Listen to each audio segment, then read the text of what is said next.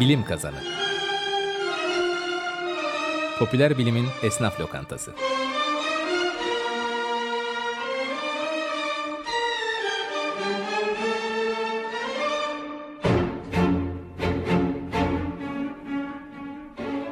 Hazırlayan ve sunanlar İlker Öztop, Alp Sipahigil ve Aysu Uygur.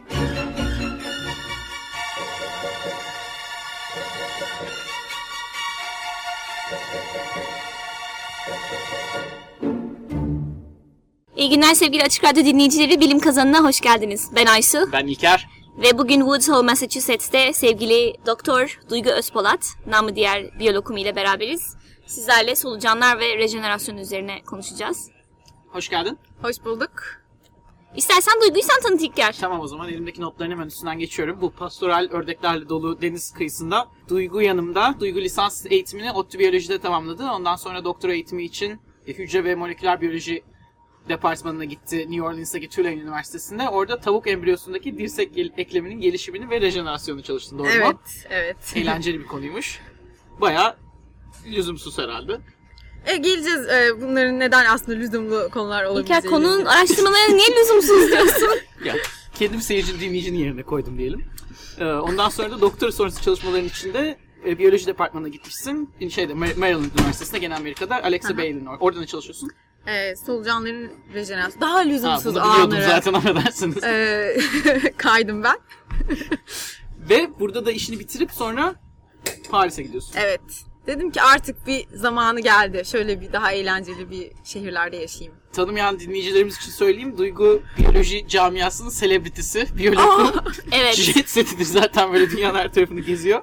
Bir e, bilim yazarına yakışır şekilde Paris'e yerleşmeye karar vermiş yazarlar, meşhur yazarlar Paris'te olur. Ama hakikaten bizde e, yani İlker ve ben azıcık daha internet özürlü olduğumuz için yeni kuşak kadar erken tanıyamadık ama biz Duygu'yu önce biyologum olarak tanıdık. Türkiye'deki birçok genç biyoloğa biyolojiyi sevdiren bir blogu vardı. var. Ve onun yanında da evrim e, çalışkanlarıyla birlikte evrimi anlamak.org sitesinde İngilizceden Türkçe çeviriler yapıyorlardı. Evrimi anlatan, evrim, evrimi tanıtan e, blog yazıları yazıyordunuz.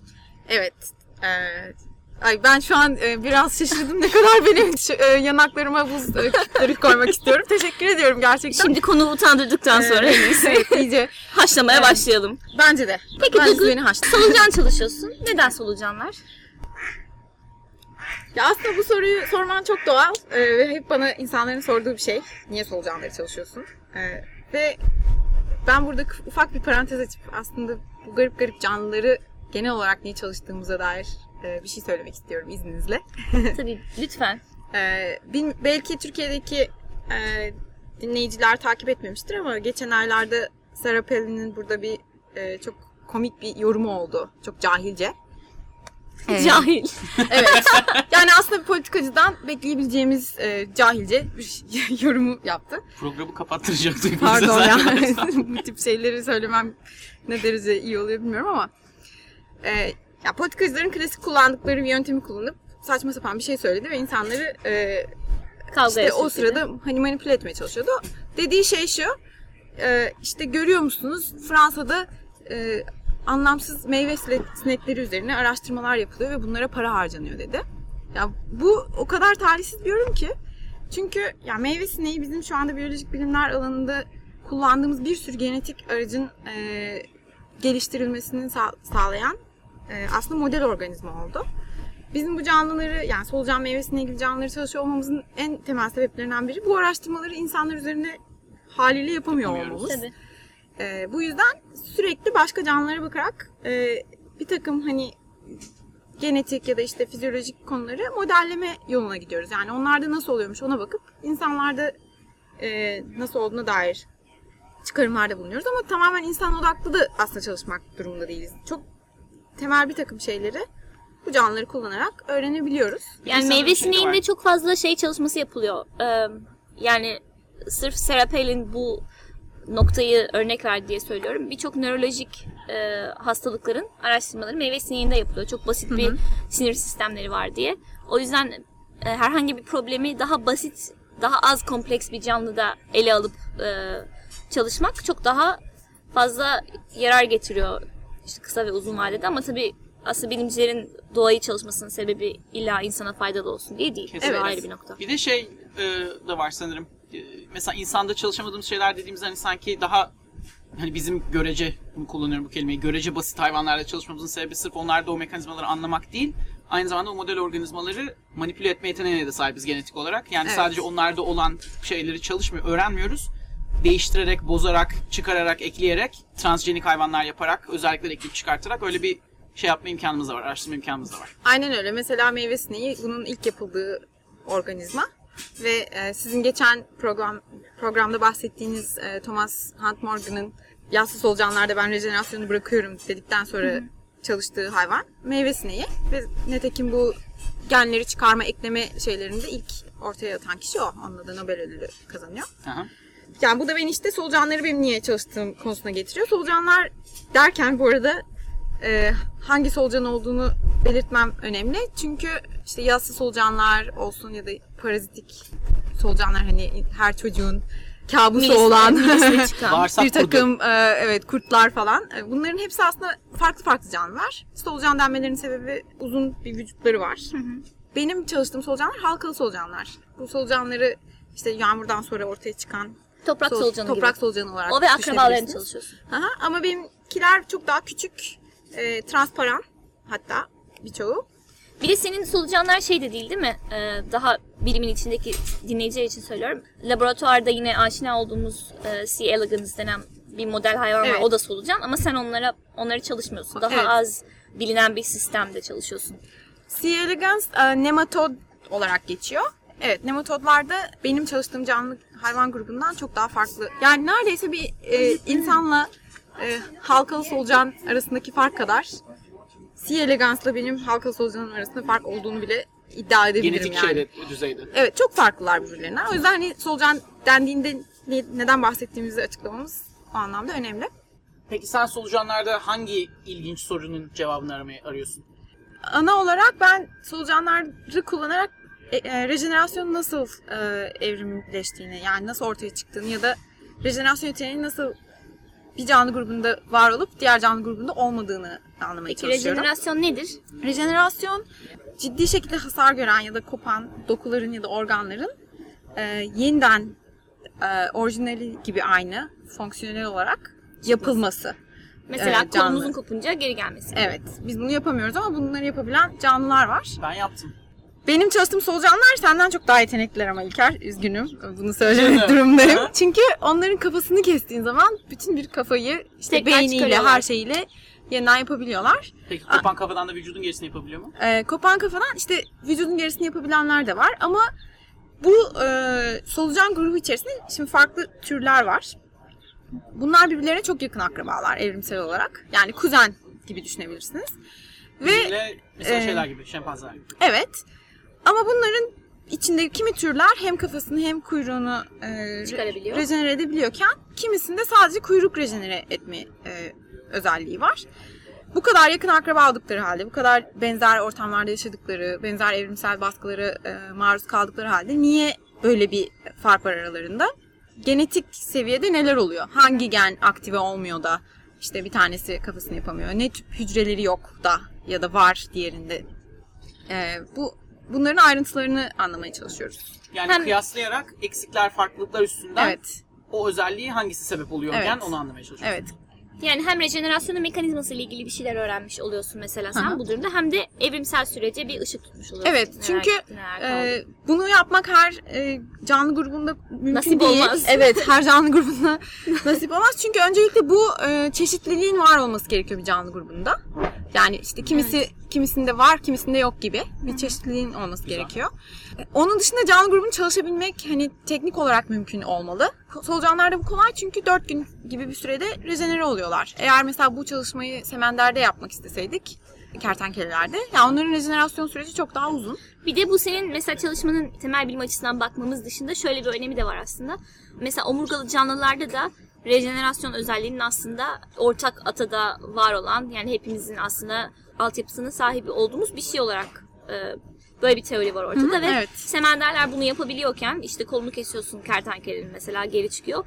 İnsanlarda bu bir şekilde kapatılmış. Sen Evet. o yüzden evrimsel sürece ışık tutarak belki bizde de neler olabilmiş e, olduğunu Aynen öyle. göstermene yardımcı olabilir. Evet çok doğru bir nokta. Ee, kesinlikle yani bizim bu canlılardan öğrendiğimiz şeyleri eninde sonunda insanları insanlar için uygulayabileceğimiz şeyler haline getirmemiz çok mümkün. Nitekim zaten bu yüzden e, bir, birileri bize bu paraları veriyor da biz e, bu Evet. işleri yapıyoruz. Ama tabii bana sorarsanız benim motivasyonum tamamen merak ve yani bu merakın doyumu sürecinde insanlara da yardım olabilirse ne mutlu bana Bölümü aslında. burada bitirelim Aysu. Çok evet klas oldu. Peki neler gördün Duygu? Neler yapıyorsun deneylerde? Neler buldun? Bu mu? Ben bir de ben bir de şey sormak istiyorum. Dejenere edebilirsin mesela bozulmuş bir dokuyu yerine getirmek yerine de onunla uğraşacağına git yani üre daha çok kendinden kopyala. Hani kendine o enerjiyi harcayacağına, tamirat enerjisini harcayacağına şey yap, çoğal yani. Niye böyle bir şey yok? Ya aslında çok güzel bir konuya getirdin bizi. Çünkü şimdi şöyle bir şey var. Bu solucanların e, bir de enteresan bir eşeğsiz üreme yöntemleri var. Bu tamamen hani yaralanmadan falan bağımsız olarak eğer belli bir yemek varsa ortada işte doğru güzel koşullar sağlanmışsa eğer hayvan güzel güzel büyüyorsa bir noktada bölünmeye karar veriyor. Ve vücudun ortasında bir bölünme bölgesi oluşturuyor. Ee, burada yeni bir kafa ve yeni bir kuyruk yapmaya başlıyor. Yani bunu aslında şimdi söylerken biraz kafada canlandırmak zor olabilir. Belki siz internete koyarsınız resim bilmiyorum ama Mesela şöyle bir grafik gördüm internette. Bir solucanı e, kafasından ayaklarına kadar A, B, C, D diye düşünürsen B ile C'nin arasında birdenbire şey oluyor çoğalmaya başlayacağı zaman eşeğsiz olarak üremek isteyeceği zaman B'nin önüne yeni bir A geliyor. C'nin ar- arkasına yeni bir B geliyor. Böylece A, B, C, D, A, B, C, D diye iki tane İlker'in oluşuyor. yine e, görselsiz anlatımları başladı. Kimsenin kafasında canlandıramadığı İlker'de. yani tek bir boru, Evet. boru şeklinde solucan ikiye bölünüyor. Evet. İki solucan oluyor. evet yani bu borunun ortasında bir Evet. kafa ve bir kuyruk oluşuyor ve Evet. evet. Farklı dinleyici kitlelere hitap ediyoruz zannedersem. Bu sorduğun sorunun diğer bir ben de şu anda e, bana hatırlattığı şeylerden bir de şu oldu. Şimdi bu hayvan vücudun herhangi bir yerinden yeni bir kafa yapabiliyor aslında düşünürseniz. E, bu çok enteresan bir şey. Orada bir sürü kök hücre aktiviteleri işin içine giriyor. İşte e, yaşlı, yani yaşlı demek istemiyorum da yetişkin hücrelerini daha böyle genç e, noktalara aslında geri getirip kök hücreleştirip onları tekrar kullanarak ve onları bölerek işte çoğaltarak bu yeni dokuları yapıyor. Yani bu, bu çok ilginç bir süreç. Evet. Rejenerasyona çok benzeyen bir süreç. Zaten aslında bu canlıların rejenerasyon yeteneğine sahip olmalarının sebebinin aslında bu eşeğsiz üreme yeteneğine sahip olmaları olduğu düşünülüyor. Yani Bu bu, ikisi- bu canlı grubunda böyle oldu. Bu İkisi ikisi birlikte gidiyor yani. çok benziyor aslında. Evet. Ama kesinlikle farklılıklar var. Yani hem morfolojik, yani yapısal e, süreçlerde hem kimi ufak tefek gen ifadesi süreçlerinde bazı değişiklikler var ama genetik araç gereç seti olarak aslında bu e, eşeğsiz üremenin araçlarının rejenerasyon için kullanılma yoluna gidildiği Farklı bu amaçlara canlılarda. göre arada- şey yapıldı. Belki- Co-option deniyor buna İngilizcesi hani ilgilenen dinleyiciler için. Yani belki altını çizmedik ama eşeğsiz üremeyi de açıklayalım. Aseksüel üreme. Evet. Yani başka bir e, işte türünün başka bir cinsiyetiyle çiftleşmeden yani genetik materyal değiş tokuşu yapmadan Evet. sadece kendini yani, klonlayarak Evet, e, bölünerek evet. çoğalması solucanın. Yani şöyle de diyebiliriz. Bir canlının üremesi genomun e, devamlılığını ve bütünlüğünü sağlarken e, rejenerasyonda o canlının kendisinin yani taşı- genomu taşıyan aracın bütünlüğünü ve devamlılığını sağlıyor. Bireyin Bireyin hayatta kalışına yönelik bir evet. şey. Evet ama Ve bazı üreme durumlarda rejenerasyon yani bireyin hayatta kalması belki daha önemli yeni bireyler. Evet o bir tercih meselesi. Zaten onunla ilgili de aslında e, benim hocamın yaptığı çalışmalar daha önceden yaptığı şeyler var. E, işte resource allocation e, kaynakların e, nereye kullanılacağının kararının verilmesi şeklinde e, bir konu var. Bundan ben size daha önce bahsetmemiştim ama e, mesela bir e, eşeğsiz üreme sürecindeki bir hayvanın çanlar kimin için çalıyor? E, Tam- şey, eşeğsiz üreme sürecinde yani vücudun ortasında işte kafayı ve kuyruğunu yapmakta olan bir canlının mesela kafasının bir sebepten koptuğunu düşünün.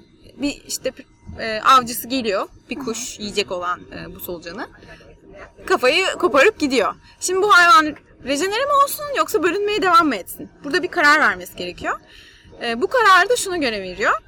Eğer bölünme süreci yeterince ilerlemişse diyor ki ben bölünmeye devam edeyim. Bu ön tarafı boş vereyim. Orayı rejenere etmeye uğraşmayayım. Çünkü zaten sonuçta olacak? Yeni bir birey çıkaracak ortaya.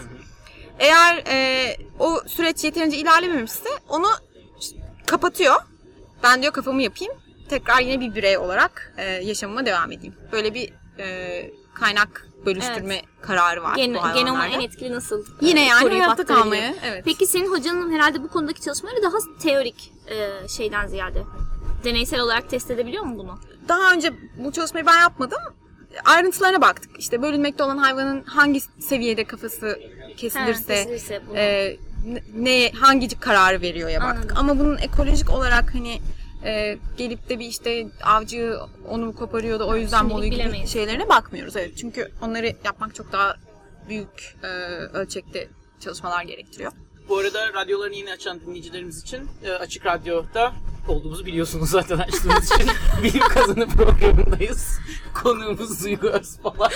Rejenerasyon yani e, kopan parçanın vücutta yeniden çıkmasını konuşuyoruz solucanlar üzerinde. Evet. Peki e, bir tane solucan e, düşünelim. Kendisi ya rejenerasyon yapıyor ya da bölünerek çoğalıyor. Şimdi iki mekanizmada da aslında aynı hayvan sonsuza kadar yaşamış oluyor. Çünkü kendini bir bakıma klonladığı için aynı hayvandan bahsediyoruz. Aynı genomdan bahsediyoruz. Bu e, bir solucanın bölünen parçaları ya da tekrar e, eşeğsiz üremeyle çoğaldığı zaman gitgide yaşlanıyor mu yoksa hayvanın yaşlı kısmını genç kısmından ayıran bir şey mi var? Şöyle e, aslında bu hayvanların sonsuza kadar yaşadıklarını iddia edebiliriz. Çünkü e, dediğin gibi gerçekten e, eşeğsiz ürerken mesela işte sürekli bölünerek çoğalırken sürekli kendisinin bir kopyasını yapıyor. E, bu süreçte işte gametler yani üreme hücreleri işin içine girmediği için evet genetik bir değiş tokuş olmuyor. E, fakat yaşlandıkları doğru enteresan bir şekilde. Yani niye yaşlanıyorlar bilmiyoruz şu anda ama e, sürekli e, kuyruklarından yeni halkalar ekleyerek büyüyorlar bu canlılar. O yüzden aslında e, kuyruk kısımları baş kısımlarına göre daha yeni dokuları içeriyor. Daha genç. Daha genç dokuları içeriyor. Evet. O zaman düşündüğünüzde şimdi bu hayvan ortadan ikiye bölündüğü zaman kuyruk kısmından yapılan birey e, kafa kısmında kalan bireyden aslında biraz daha genç oluyor hep. Ve biz de netekim bunu e, hayvanların pigment hücreleri ile yani neredeyse insanlardaki yaşlanma gibi. Çünkü insanların yaşlılarında da hani yüzlerinde, kollarında Evet. melanin yüzünden sanırım Doğru. çok da bilmiyorum ama e, pigmentlenme olur. Netekim biz bu canlılarda da e, yaşlı bireyin sürekli bölündükçe genç olandan çok daha fazla pigment sahibi olduğunu görmeye başlamıştık. E, oradan hareketle de ya belli ki bunlarda bir e, yani klon oldukları birbirlerinin aynısı oldukları halde bir farklılık var dedik ve bunu test etmeye karar verdik. Tek tek e, birbirlerinden ayrı ayrı büyütmeye başladık hayvanları. Her bölündüklerini de ayırdınız. Her hem de hepsi yani bü- bütün işte 10 15 tane solucan aynı kabın içinde değil de hepsi kendi küçük kapların içerisinde.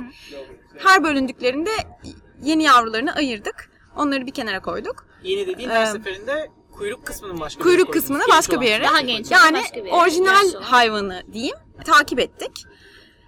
Bu işte bölünme sürecini birkaç kere devam ettirdikten sonra en son partideki yavruları da tuttuk. Yani şöyle düşünebilirsiniz. En yaşlı ile en genç olanları birbiriyle karşılaştırdık. Karşılaştırmak için de e, üreme organlarını kullandık. Bu hayvanların üreme organlarının büyüklüğünü e, ölçebiliyoruz bir e, ge- bir genin aktivitesine bakarak.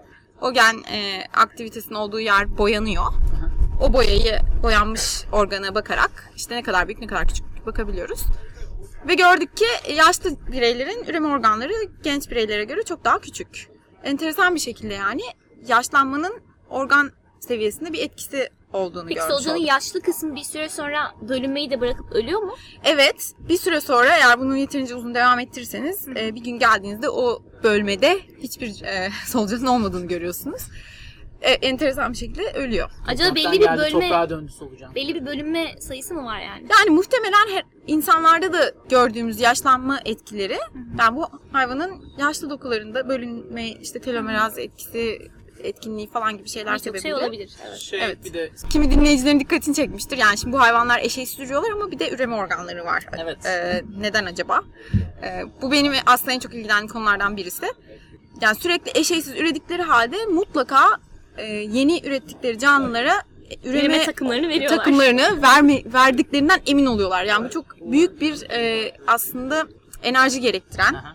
Yani e, bir şey ama E, eşeysiz üreyen canlıların arada bir eşeyli üremeleri e, çok avantajlı bir şey. Bu canlılar böyle o yüzden zaman zaman eşeyli üreme moduna geçiyorlar. Peki bir solucan e, başka bir solucan ka- yani karşı üreyebileceği bir solucanı görür görmez ürüyor mu yoksa bir Yani aslında mı? bunlar- belirli koşulların sağlanması gerekiyor mu? Belirli koşullar Eşeğli tabii üreme. ki her zaman eşeğli üremede sağlanması gereken. Tarafların birbirini tabii ki beğenmesi. evet. Bir de tarafları birbirini diyorsun da şey zaten solucanlar hermafrodit. Yani Ama- ihtiyaçları Ama yok. hayır, e, hermafroditlikte yani hermafroditliğin ne olduğunu hemen kısaca söyleyeyim. Hem e, erkek hem dişi e, üreme organlarına sahip olan canlıların bir kısmı kendi kendine e, Dölleyebiliyor. dölleyebiliyor. Bir kısmı yine hala başka bir bireye ihtiyaç duyuyor. Toprak solucanları e, başka bireye ihtiyaç duyuyorlar. Ama çiftleşirken her ikisi de birbirleriyle yumurta ve sperm değişimi yapıyorlar. Yani her ikisi de bu e, etkileşimden hamile kalmış olarak ayrılıyor. Doğuruyor mu solucanlar? Ee, aslında şöyle e, solucanların üreme şekilleri Ay, çok ayrıntıya girmiş gibi oldu. Yok yok anlat. İlginç geldi. Şöyle bir şeyleri var. Bu bazı e, böcek tür birçok böcek türünde de var. Hatta soluc- örümceklerde falan var. Spermatika denilen bir keseleri var bunların. Erkek spermi oraya bırakıyor. Dişi de hazır olduğu zaman, tabii bu durumda hermafrodit oldukları için her iki canlı da yumurtaları o kanaldan geçirirken spermleri kullanarak döllüyor ve öyle bırakıyor dışarı. Bu toprak solucanlarında kokun denilen kesecikler içerisine bırakılıyor e, canlılar. Yani hayvanın vücudunda koza büyümüyor embriyolar. Dışarıda büyüyorlar ama bu kozanın içerisinde büyüyorlar. İşte mesela e, şeylerde, e, böceklerde hayvan yemek bulunca, yeterince iyi koşullar olduğu zaman bu spermleri kullanıyor. kullanıyor. Yani Bir süre saklayabiliyor yani. çok uzun süre saklayabiliyor. Sperm o kesenin içerisinde çok uzun süre iyi halde devam edebiliyor. Duygu senin Paris uçağın geldi galiba. Suya iniş yaptı yanımıza. Ya evet ben e, geç kalıyorum aslında uçağa. Bize ayırdığın vakit için çok teşekkür ederim. Gider ayak bizimle de konuştu. Duygu'nun bir sonraki istasyonu Paris. Orada e, transgenik teknolojisini öğrenecek. Önce Evet. istersen bize teknolo- bu teknolojinin ne olduğunu, sonra model hayvanlarda e, neden kullanıldığını. E, çok basit haliyle yeni bir genin yani bir canlıda bulunmayan o canlının da doğal olarak e, olmayan bir genin o canlının genomuna Eklenmesi. eklenmesi. Genetiği değiştirilmiş organizma yapmaya gidiyorsun. Evet, e, zaten genetiği değiştirilmiş organizmalar e, bilim insanlarının sürekli kullandığı organizmalar. Yani bu teknoloji bizim için çok önemli. E, bunun e, büyük şirketler ellerinde e, kötü amaçlarla kullanılıyor olması Tekniğin Ee, kötü olduğu anlamına tekniğin gelmez. kötü olduğu anlamına gelmiyor. Bunu da buraya bu aralar bu ateşli, alevli e, tartışma sırasında sokmuş olalım. Benim işte bu yeni e, işe başlamamın sebebi gideceğim laboratuvarda kullanılan solucan türünün yine aynı halkalı solucan ama farklı bir e, aileden. Laboratuvar ortamında eşeğli üreyip e, embriyolar yapıyor olması. Teknik sebeplerle de bu transgenik hayvan yapma aşamasında embriyolara ihtiyacımız var. Önce onun içerisine bu genleri koyuyoruz. Orada genoma yapışıyorlar falan bu yeni genler. Hani bu yüzden mutlaka embriyo sahibi olması gerekiyor hayvanın. Benim şu an çalıştığım canlılar sadece eşeğsiz ürüyorlar. Bölünerek ürüyorlar laboratuvarda. O yüzden genomlarına ekleme yapamıyordun. Evet görece yani yine mümkün tabii ki ama çok daha e, çok daha zor. Evet. Şimdi bu yeni olarak. teknikle bir süper güç kazanmış olacaksın. Öyle görünüyor. Bilim kazanı Uçak. şey. Hoşça kal. Hoşça kal Duygu. Görüşmek üzere. Görüşürüz. Yeni maceralara atıl. Ben uçuyorum. Bize yaz. Au revoir.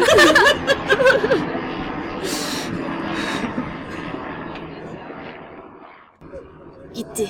Çok iyi kızdı be. Çok güzel bir bölüm oldu. Ee, Haftaya kaldığımız yerden devam edeceğiz. Perşembe 2'de görüşmek üzere. Açık Bize ulaşabileceğiniz adresler www.bilimkazani.org Facebook adresimiz Bilim Kazanı, Twitter handle'ımız Bilim Kazanı. ve e, e-mail için bilimkazaniposta@gmail.com. Duygu ile ilgili sorularınız için kendisine Facebook'tan biyolokum adresinden ulaşabilirsiniz. Oradan size cevap verir veya vermez bizi ilgilendirmez. o zaman bilim kazan, biz kepçe. Bilim Kazanı Popüler bilimin esnaf lokantası.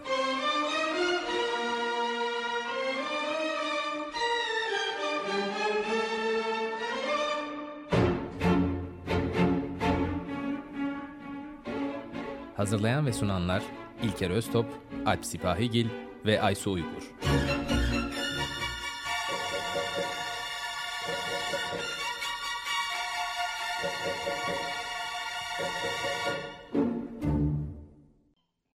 Radyo program destekçisi olun. Bir veya daha fazla programa destek olmak için 212 alan koduyla 343 41 41